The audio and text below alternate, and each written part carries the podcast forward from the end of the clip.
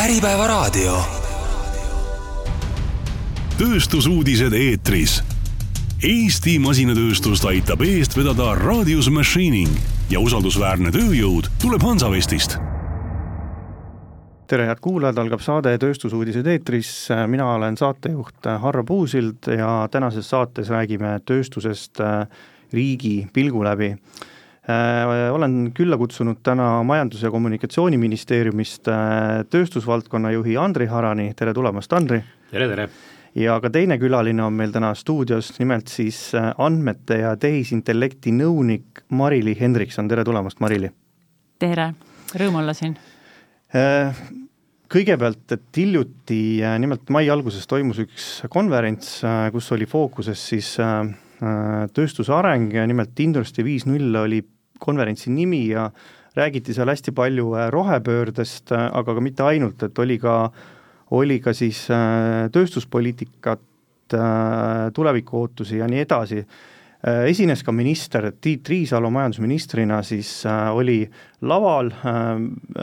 ja tema sõnum oli siis tööstusele selge, et, et, et tegelikult tegelikult siis tööstus on oluline ja, ja oluline vundament meie majandusele ilma hakkama ei saa ja ta mainis ka, et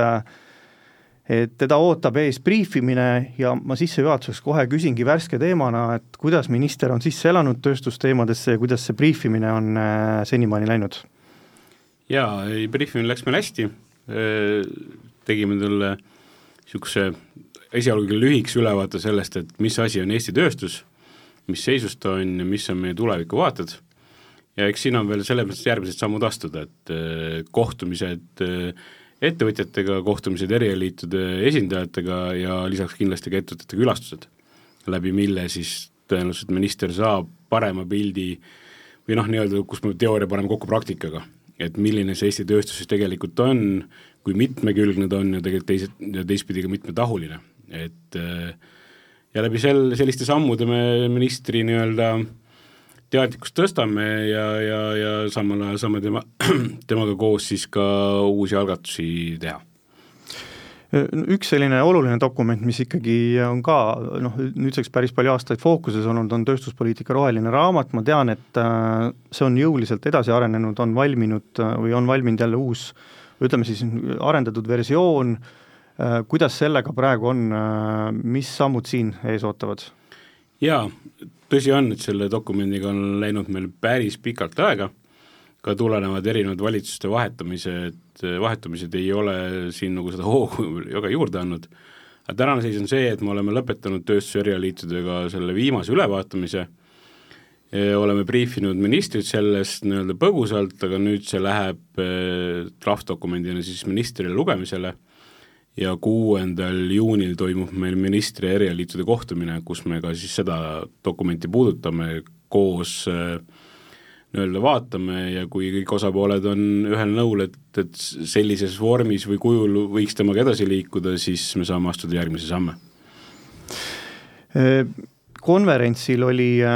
hästi suures fookuses rohepööre ja jätkusuutlikkus ja kõik see pool, et Andri, mis sulle sealt kõlama jäi, et mis, kuidas on see ettevõtjate meelsus ütleme siis aastatega või kuudega arenenud, milline on täna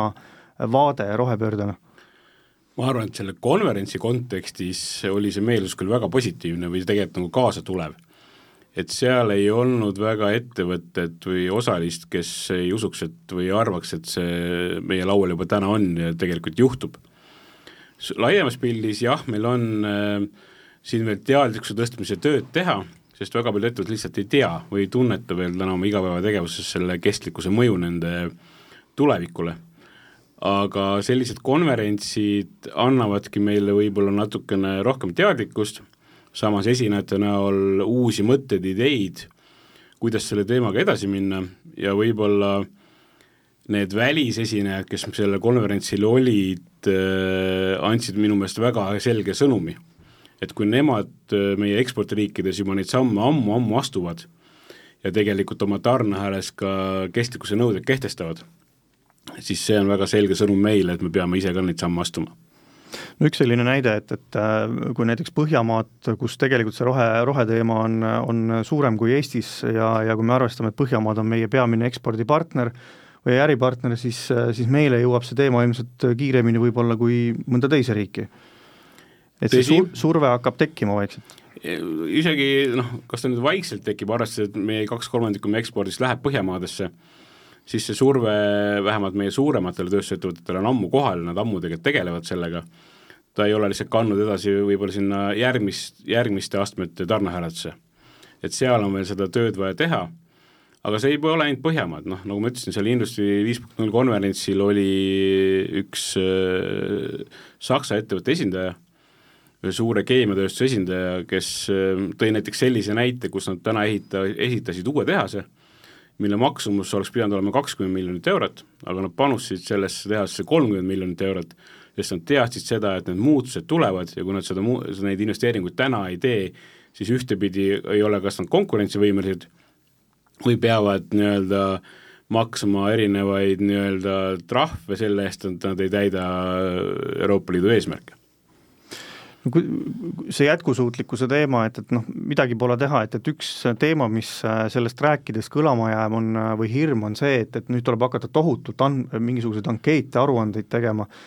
äh, kuidas see bürokraatia pool olema hakkab, et kui suur koormus see reaalselt olla, olema hakkab? hea küsimus, ega me väga täpselt veel ei tea, meile tuleb täna tükikaupa neid aruandluskohustusi erinevas suundades, mida teha on vaja, mida mitte aga see on ka selle kestlikkuse juures võib-olla teadlikkuse tõstmise kõrval üks peamisi riigi rolle, teha ettevõtete jaoks see bürokraatia pool või aruandluse pool võimalikult lihtsaks. ja siin tuleb mängu see, tulebki mängu digiühiskond ja digiriik, kus me püüame kogu seda bürokraatiat, andmete kogumist teha võimalikult äh, digitaalseks, ehk siis ettevõtted tegelikult ei peaks midagi väga ekstra tegema vaid nii, nagu nad esi-, esitavad täna oma andmeid äh, riigile, siis samamoodi selle, nende andmete seest võiks automaatselt tulla ka kogu see kestlikkuse seotud, seotud äh, andmestik. No viskakski siit äh, jutu järel üle ka Marilile, et, et kuidas selle andmete poolega siis praegu on, et et, et kui arvestada seda tehnoloogilist arengut, millega me kõik silmitsi seisame, need andmed, mida me peame hakkama kas või jätkusuutlikkusest tulenevalt esitama, et, et milline vaade on, kuidas praegu andmete, kuidas ma ütlen siis, kuidas ettevõtted vaatavad sellele? ma võtaks siit kohe Andri äh, sellest viimasest mõttest kinni, et, et äh, ja minnes natukene detailsemalt, et mida siis riik teeb ähm, riik on teinud juba mõnda aega ülemineku seda teed, et kuidas aruandluskohustust ettevõtetele hõlpsamaks teha ja meil on eraldi tegevussuund, mis on reaalaja majandus tegevussuund, mis tegeleb siis põhimõtteliselt ka aruandlusandmete korrastamise ja süstematiseerimisega. et siin on üks markantne näide, et, et kui ähm, esialgselt võeti nagu aruandlus see pilt laua peale, siis selgus, et, et erinevaid andmevälju, mida ettevõtetelt erinevate aruandluste käigus küsitakse, on Eestis üldse kokku isegi äh, suurusjärgus kuus tuhat. Äh, seda on ilmselgelt liiga palju ja, ja tead, ta on, see ei ole, see ei ole adresseeritud nii, et kõik ettevõtted vastavad kõiki neid. aga, aga üldse kokku erinevaid ja nüüd, mis töö käib, on see, et, et, et sinna luuakse äh, struktuuri, et, et andmeid kogutaks vähem ja nad oleksid korduvkasutatavad. et sellised tööd käivad Äh, esimesed tulemused tulevad sellel aast-, selle aasta teises pooles ähm, ja, ja, ja tegelikult ettevõte, ettevõtted võiksid hakata esimestes niisugustes väiksemates pilootides osalema ja kasu saama järgmise aasta esimesel poolel. nii et hetkel käivad veel taustatööd, aga elu peaks lihtsamaks minema. et mõte on ka see, et, et kui kuskil on juba midagi sisestatud, et, et siis oleks võimeline süsteem lugema erinevaid kohti välja, et noh, see on, see rida meil tegelikult on juba olemas, pole vaja enam sisestada. Jah, see on, see on üks äh, suur osa sellest. Ähm, aga eks seda teadlikkuse tööd täna on veel väga palju teha seoses sellega, et päris suur osa äh, ettevõtetest ei ole teadlikud, et andmeid on võimalik panna ka automaatselt äh, süsteemide vahel liikuma. et sellised lahendused on kas või raamatupidamissüsteemide puhul olemas, aga päris mitmetel juhtudel neid alati ei kasutata, et kas on teadlikkus või on see teadmatus ähm, või, või midagi muud, et see selgub, aga tõenäoliselt on ikkagist muudatused tulemas digitaalne areng, üldse tehnoloogiline areng, mida, mida me tegelikult äh, tööstusettevõtetelt äh, ootame ja millega nad usinalt tegelevad ka, et, et midagi pole teha, et, et seal kindlasti on, kuidas ma ütlen, lisatuge vaja, et, et ma tean, et tööstusel on, tööstuse jaoks on riigil ju erinevaid meetmeid ka, mida saab kasutada, et, et tehnoloogilise arenguga kaasa minna, ma arvan, et olekski võib-olla paslik teha sissevaadet, mis praegu saada on ja, ja kuhu siis tasub äh, king ukse vahele panna. jaa ehm, koostöös siis EAS ja KredEx ühendasutusega äh, on MKM-il äh, ja ka tegelikult teiste ökosüsteemi partneritega oleme välja töötanud päris mitu erinevat meedet ettevõtete digitaliseerimise toetamiseks.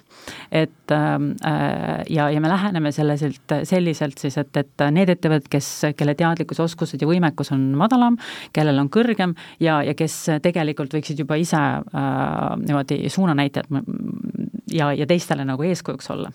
aga äh, kui me vaatame nagu sellised, et millised on need esimesed äh,, esimesed meetmed, mis võiksid olla nagu äh, kõigile esmaseks abinõuks, kuidas edasi, on äh, digitaliseerimise teekaart äh, see on siis selline meede, mis ähm, äh, võimaldab ettevõttel äh, koos digitaliseerimise ekspertidega sisse vaadata nende ettevõtte siis ärivaatest, millised on nendel tänased protsessid, mida neil oleks võimalik ja oleks mõistlik siis oma äritulemuste parandamiseks digitaalseks ümber muuta. ja siis ühisko-, üheskoos tehakse selline kolmeaastane tegevusplaan, mida, millises järjekorras, milliste vahenditega tege-, ellu viima hakatakse. et see meede on, on Äh, nüüd niimoodi, et see e-, e-, eelmine periood sai läbi, järgmine periood koos väikeste mugandustega on äh, ettevalmistamisel, nii et, et äh, lähikuudel loodame, et ikkagist suudame selle järgmise versiooni digitaalset, teekaardi meetmest avada ja meil on veel meetmeid, mis ähm, kindlasti on kõik ettevõtted kuulnud ähm, küberturbe äh, temaatikast äh, digitaliseerimise kontekstis. et ähm, äh, küberturvalisus on nüüd see teema, mis kumab ajalehe veergudelt igapäevaselt läbi. ja, ja sellega seoses te, lõime me ka siis ühe sellise meetme, mis toetavad neid ettevõtteid, kes tahaksid olla kes on teadlikud oma risk, riskidest, et küberturvalisus äh, peab olema tagatud ja soovivad teha siis sellise analoogse meetme ja, ja plaani äh, oma ettevõtte küberturvalisuse tõstmiseks, nagu on ka digiteel-, digitaliseerimise teekaart äh,. aga sel-, nüüd antud juhul ainult äh, ettevõtte IT-süsteemide äh, küberturbe seisukohast. selle meetme käigus Äh, valmib samamoodi kolmeaastane plaan, äh, milliseid tegevusi, millises järjekorras ja milliste vahenditega tasuks äh, ette võtta ja, ja seeläbi siis infoturvet parandada. ja see meede on avatud praegu. oleme selle loonud koostöös EAS KredEx ühendasutuse ja Riigi Infosüsteemi Ametiga meede on avatud juba märtsist ja, ja seal on ähm, tegelikult isegi selliselt, et kui on esimeses, seal on võimalus saada kahe, kahel juhul kahes etapis toetust. esimene etapp äh, võimaldab teekaarti ja kui nüüd ettevõte näeb, et meil on, meil on äh, võimalust ja vajadust tõsisemalt tegeleda küberturvalisusega, siis, ähm, siis nad saavad taodelda ka teist rahastusvooru äh, ja selle teise vooru raames saavad nad ka siis investeeringute äh, tuge, äh, finantsilist, äh, koos ka koolitustoega. nii et, et ähm, päris äh, suured ettevõtted võiksid ka sealt kasu saada. kuidas see praegune see taotluste arv on, et palju ta täis on, ta on avatud küll veel märtsist alates, aga palju seal täitunud juba on? praegu on niimoodi, et kuna see meede on Äh, natukene teistmoodi üles ehitatud ja me mõnes mõttes ka piloteerime seda, äh, siis ähm, äh, selle teekaardi koostamise metoodika on infoturbe spetsialistide poolt ähm, ette valmistatud ja see on antud siis küberturvalisusteenuseid pakkuva, pakkuvatele ettevõtetele rakendamiseks nüüd kõik ettevõtted, kes tahavad enda ettevõttes meetmest kasu saada, võtavad teenust sellest küberturbeteenuste osutavast ettevõttest vastava metoodika alusel. Ja kuna see on selline piloteerimise faasis olev tegevus, siis juurutamine võtab natukene aega, aga me näeme, et, et huvi on turul olemas meil on hetkel äh, kuskil viisteist ettevõtet äh, on ettevalmistusi tegemas niimoodi, et nad tahavad taotlust esitama tulla äh, ja, ja mõningad ettevõtted on juba toetuse saanud. see tähendab seda, et nemad on juba nagu, nagu päris kaugel oma tegevustega ja mis on veel väga rõõmustav selle juures, on see, et, et, et neid ettevõtteid, kes on valmis riigi infosüsteemi äh, asu-, ameti metoodikat kasutama, neid on äh, seitseteist. Äh, see tähendab seda, et, et, äh, et vastav pädevus ja ühtne lähenemine on ka päris suurel meie ettevõtete ringil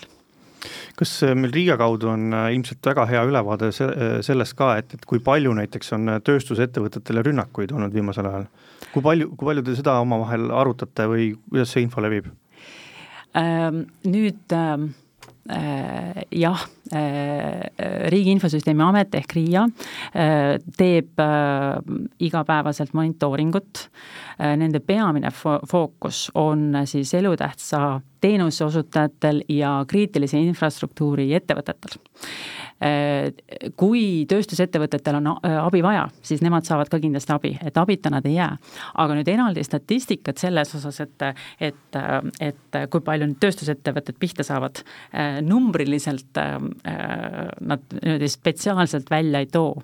aga tegelikult ikka saadakse pihta et, et markantsemaid juhtumeid tuleb aeg-ajalt välja, just nagu mitte nimeliselt, vaid nagu konteksti mõttes, et mis on see haavatavuste profiil äh, ja, ja kuivõrd tõsine või, või, või võib-olla või oli selle intsidenti mõju. Kas seal kuidagi peegeldub sellest kübermeetmest ka välja, et, et kuidagi nagu see huvi on tõusnud tänu sellele, et on olnud rünnakuid, et peegeldab see kuidagi sealt, on seal mingi dünaamika sees, et keegi, kes on saanud just pihta näiteks rünnakuga, ja siis on näha, et meetmesse tuleb ka toetus kuidagi sealt, kas seda ahelat on võimalik kuidagi sealt jälgida, et noh, hetkel meil on ajaraam olnud natukene liiga lühikene, eks, et äh, aga tõsi on see, et ähm, äh, riskide maandamisega tegelevad ennekõike need, kes on pihta saanud äh,. et, et seal on nagu korrelatsioon äh, teada ja tuntud, et ähm, jah, et natuke muna-kana olukord aga arvestades, et meediapildis on küberturbe teema nii nähtav, siis äh, tõenäoliselt ähm,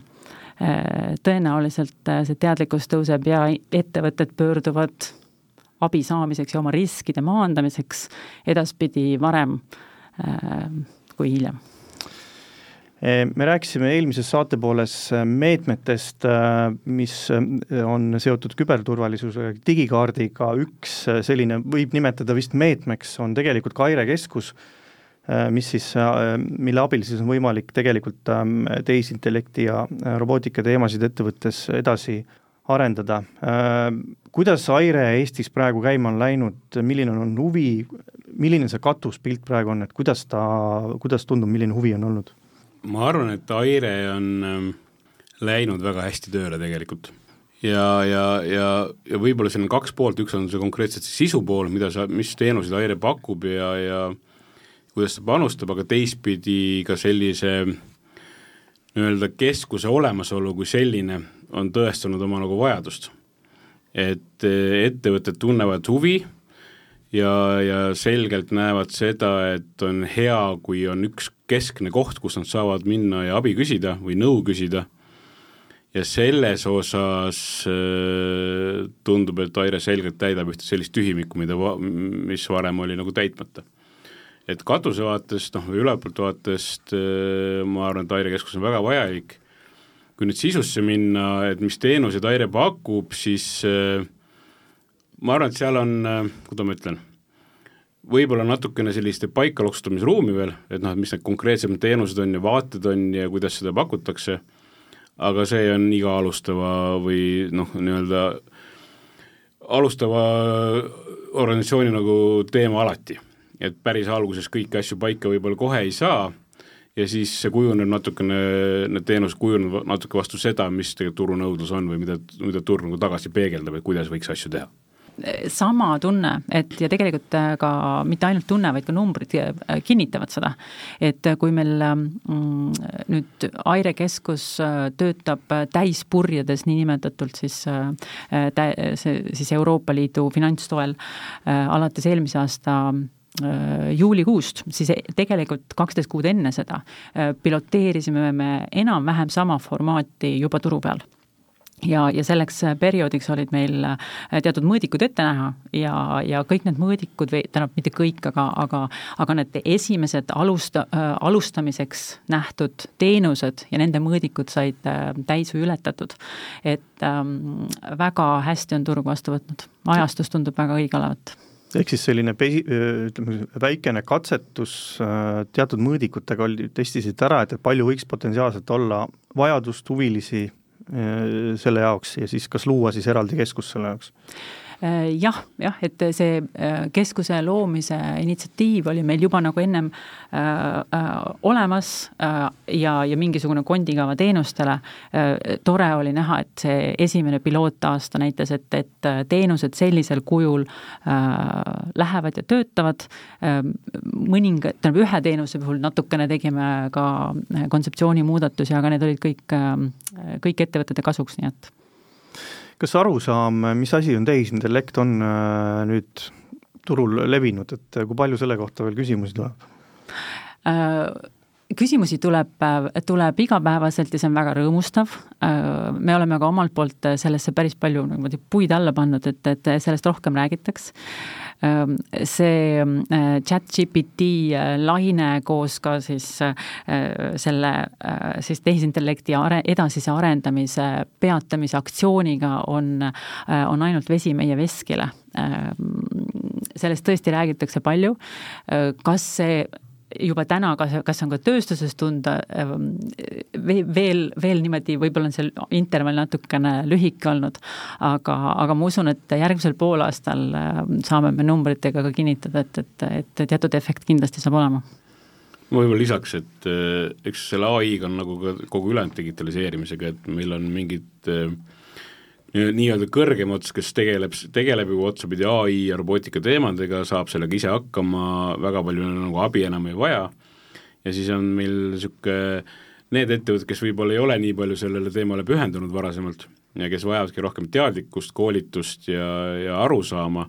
et mis võimalused üldse see robootika ai neile pakuks, kui nende, nende protsesse vaadata. ja kuidas see aitab nende elu nagu lihtsamaks teha, et siin on need äh,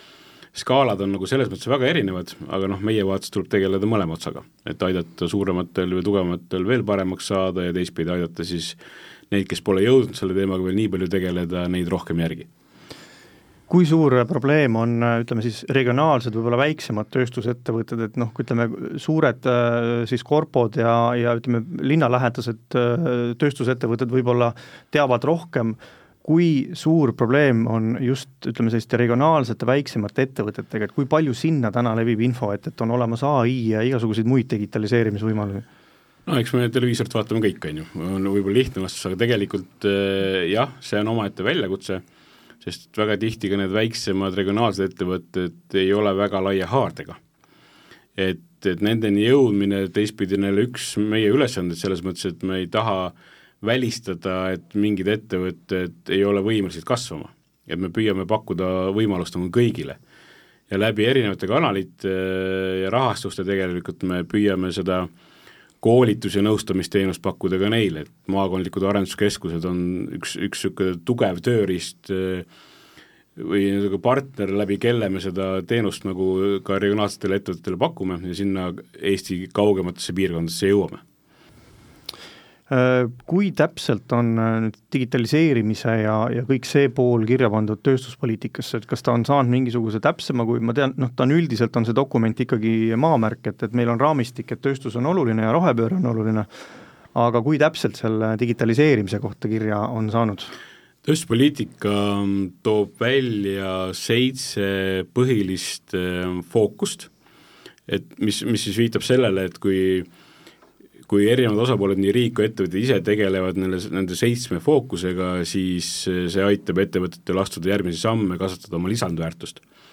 Digitaliseerimine, automatiseerimine üks nendest fookustest, ehk siis selle suure valiku seest äh,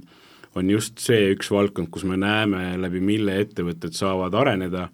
ja oma erinevaid väljakutseid lahendada ja samas ka siis nagu maja, majanduslikult edukad olla.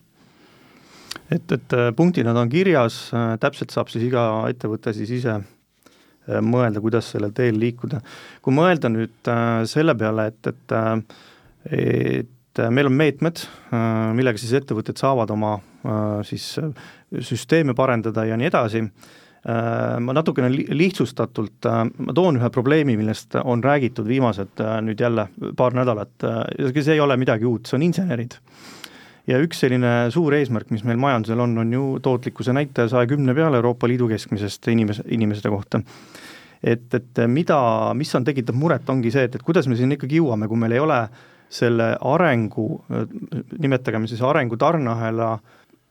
siis kui me lähme sinna algusesse ehk inimesed, et kuidas me selle inimeste poole saame järele aidata, selleks et meil oleks tarku inimesi, kes tehnoloogiaga tulevikus tegeleksid?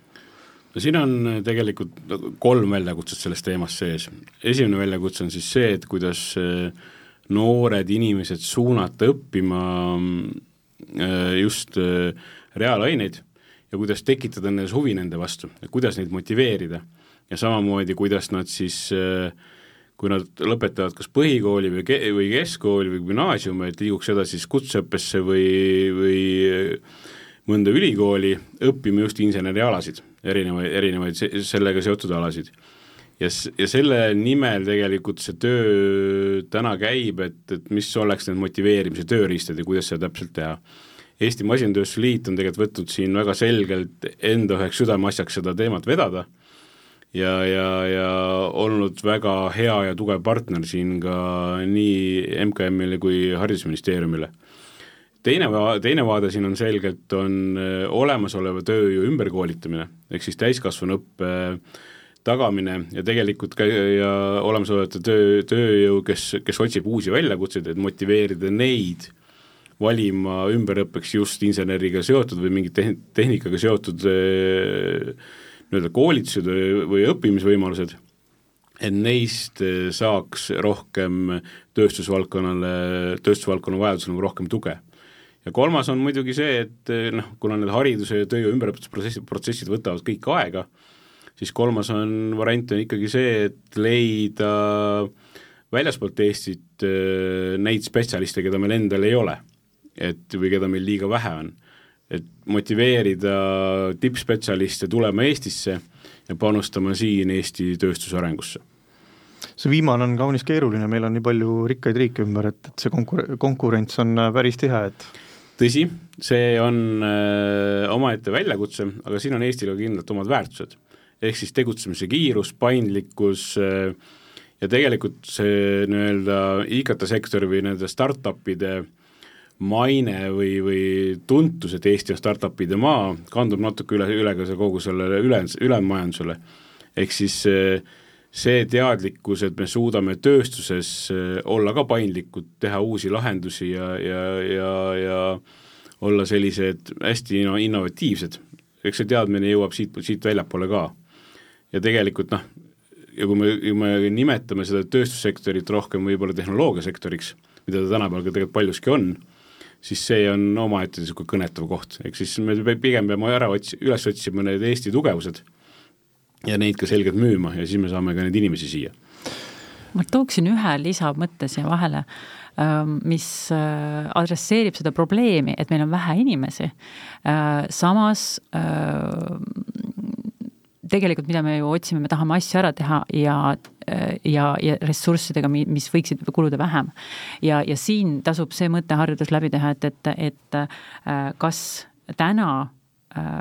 on ettevõttes protsessid piisavalt läbimõeldud, piisavalt arusaadavad ja piisavalt juhitavad ja delegeeritavad.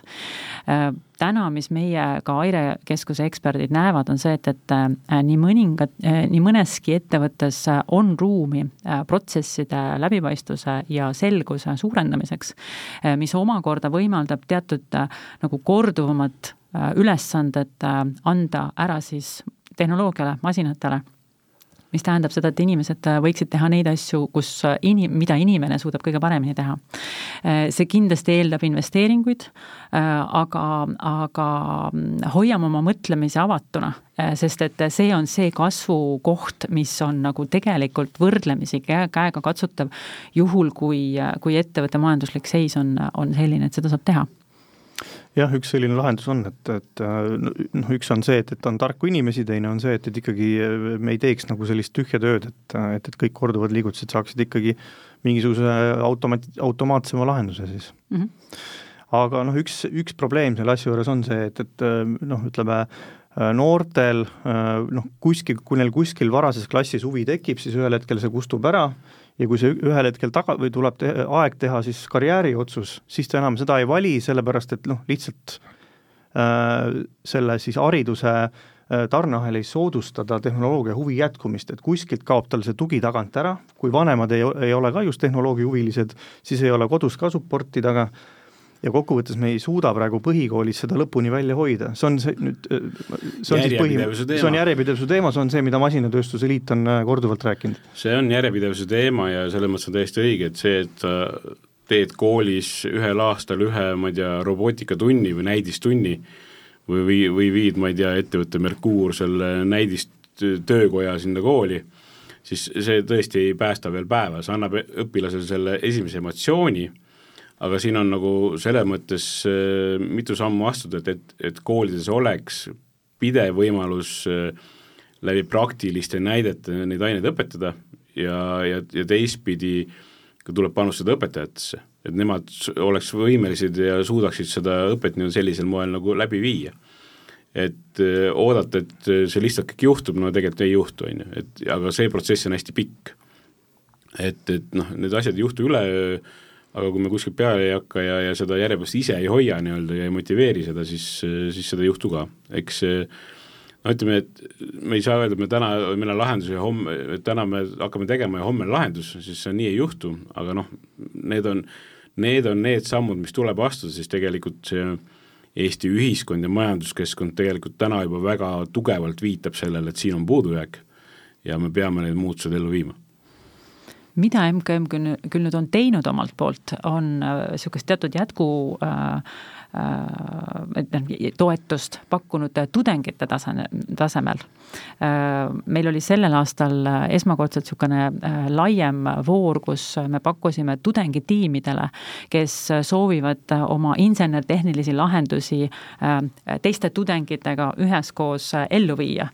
nagu meil on teada-tuntud näited, siin on SolarRide ja, ja Est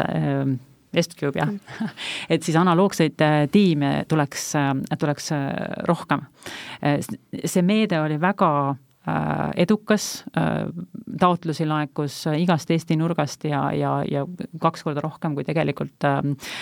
oska, osati oodata. tulemused peaksid nüüd kohe-kohe väljas olema ja, ja senine turu tagasi, tagasiside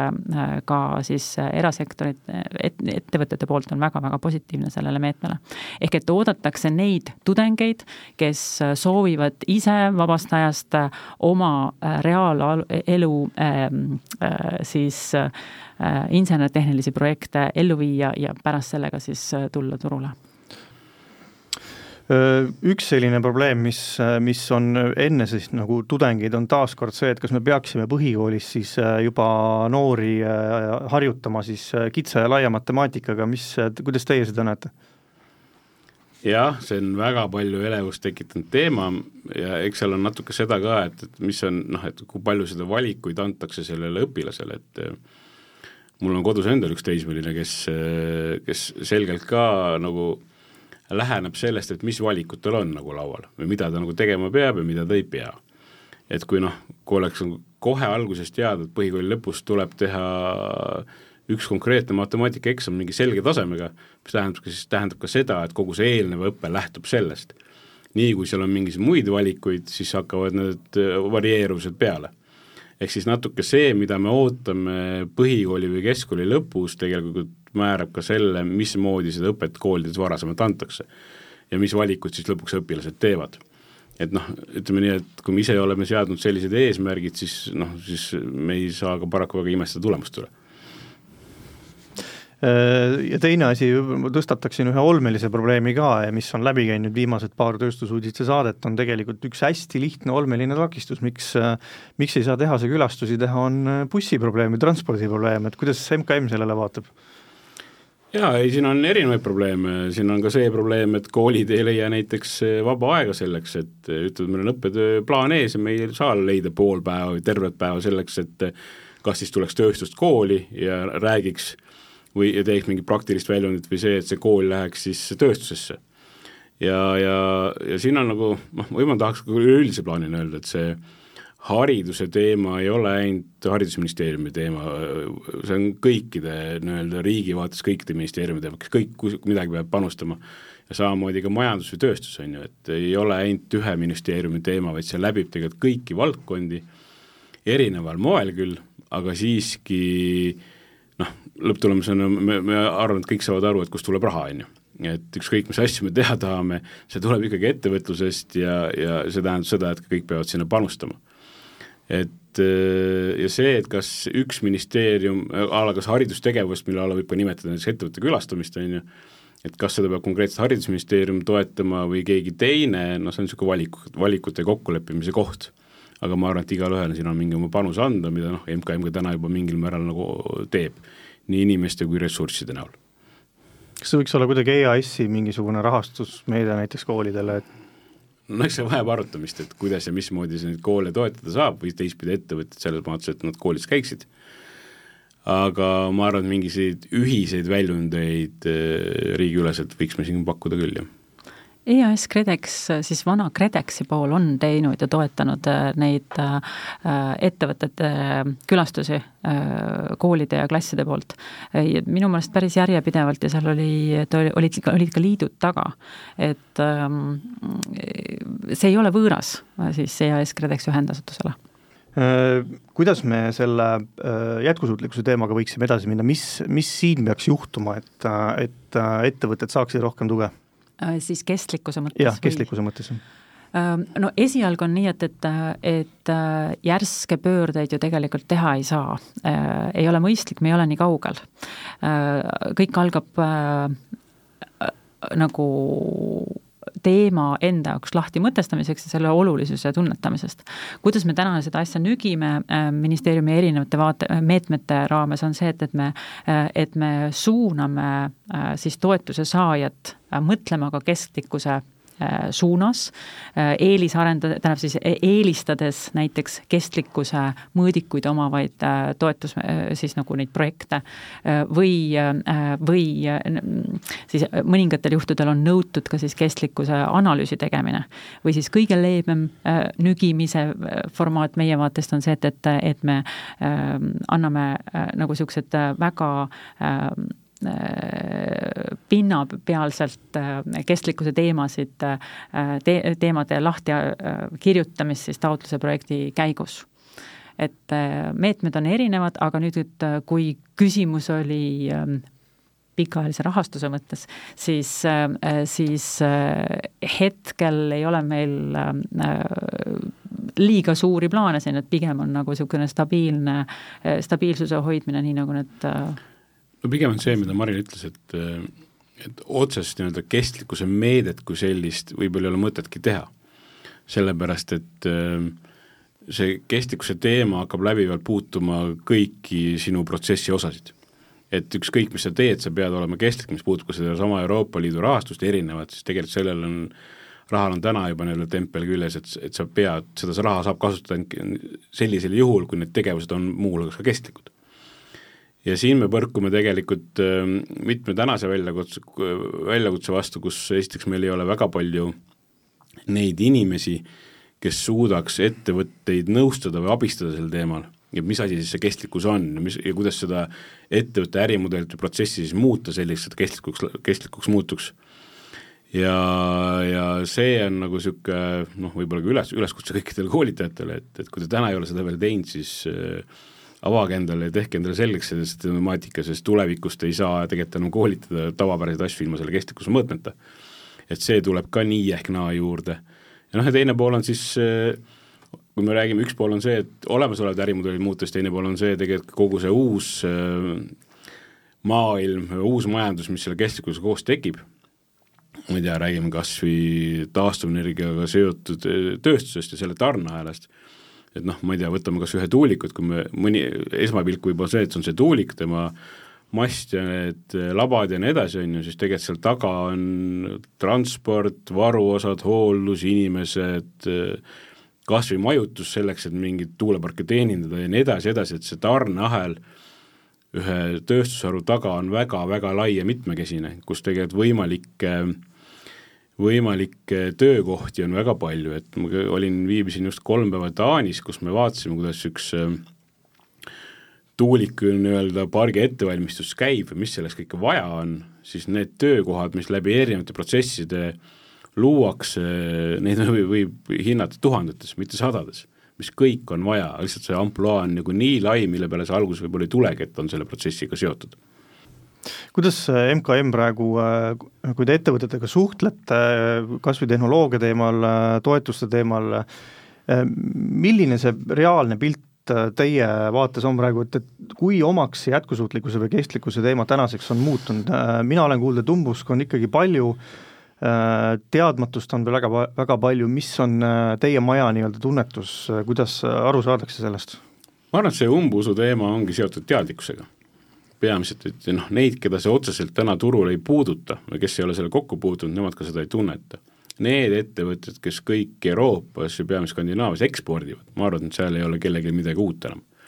Pigem nad mõtlevad selle peale, et kuidas, kuidas see teekond ette võtta, sinna jõuda, me oleme neid lugusid kuulnud Eesti suuremat ettevõtet küll, kes äh, ütlevad, et nad on kahe aasta pärast konkurentsivõimest väljas, kui nad mingeid samme ei astu, et neil, noh, neile on öeldud seda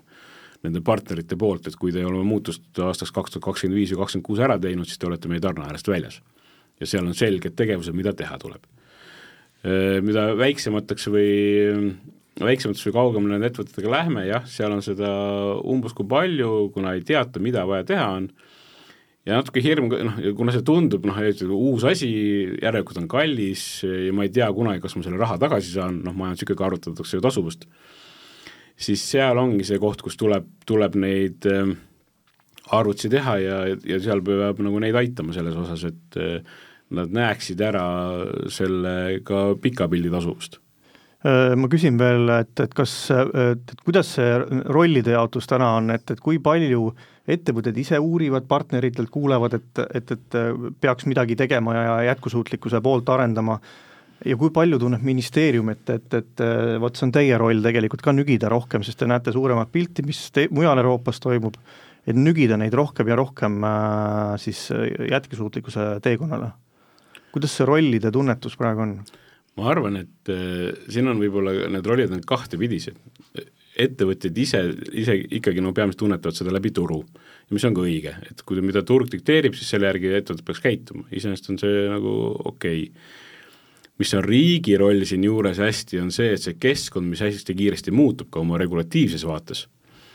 et riik oleks selles mõttes äh, nagu rongi peal ja suudaks ettevõtjat piisavalt vara ja õigesti teavitada või siis juhtida selles suunas, et mingid muutused on tulemas, et ettevõte oleks selleks valmis. noh, minu käest just äh, eile küsiti, küsiti, et okei okay,, et taastuvenergia on väga äge, aga see on juhitamatu, et, et, et noh, et kui ma jätkuvalt pean kasutama fossiilseid kütuseid oma tootmises, et noh, et millal ja millised nii-öelda trahvid mulle rakenduvad millal see ära keelatakse, noh see on see, mis ettevõtteid huvitab. ja seda teadmist peab riik neile nagu nagu andma või suutma anda, et kuidas see keskkond ja mis tingimustel nagu muutub, kus nad igapäevaselt toimetavad. et kui riik seda ei tee, noh siis on nagu probleem, et, et see on see osa, mis on nagu riigi ro-, hästi suur roll, anda piisavalt vara ettevõtjatele seda infot, kuidas ja mis kujul see keskkond muutub ja mis suunas, et ettevõtjad teaksid tegelikult valmistuda, noh, see on natuke see, mis ma enne see Saksa, Saksa tehase näide, näite tõin, et, et tegelikult valmistutakse asjades, mis juhtuvad kümne aasta pärast, aga see on teada, et need juhtuvad. et meie peame suutma ka sellist nagu infot ettevõtjatele paku-, pakkuda ja läbi selle siis ettevõtjad saavad oma plaane teha küsin teie kummagi käest, et mida, mis mõtte te annaksite tänasest saatest äh, tööstusettevõtetele kaasa? et kui me vaatame võib-olla tööstuspoliitika hooba ja vaatame ka tehnoloogia hooba, siis mis on see, need peamised sõnumid, mida täna siit kaasa on? meie riigi vaatest äh, soovime seda, et, et, et nendele, kes näevad, et neil on jõudu ja jaksu ja vajadust arenguks, nend-, nendel on see tugi olemas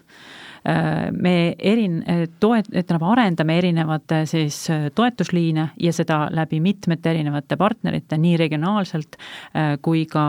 kui ka siis äh, keskustes äh, ja mitmete erinevate partnerite poolt. et ähm,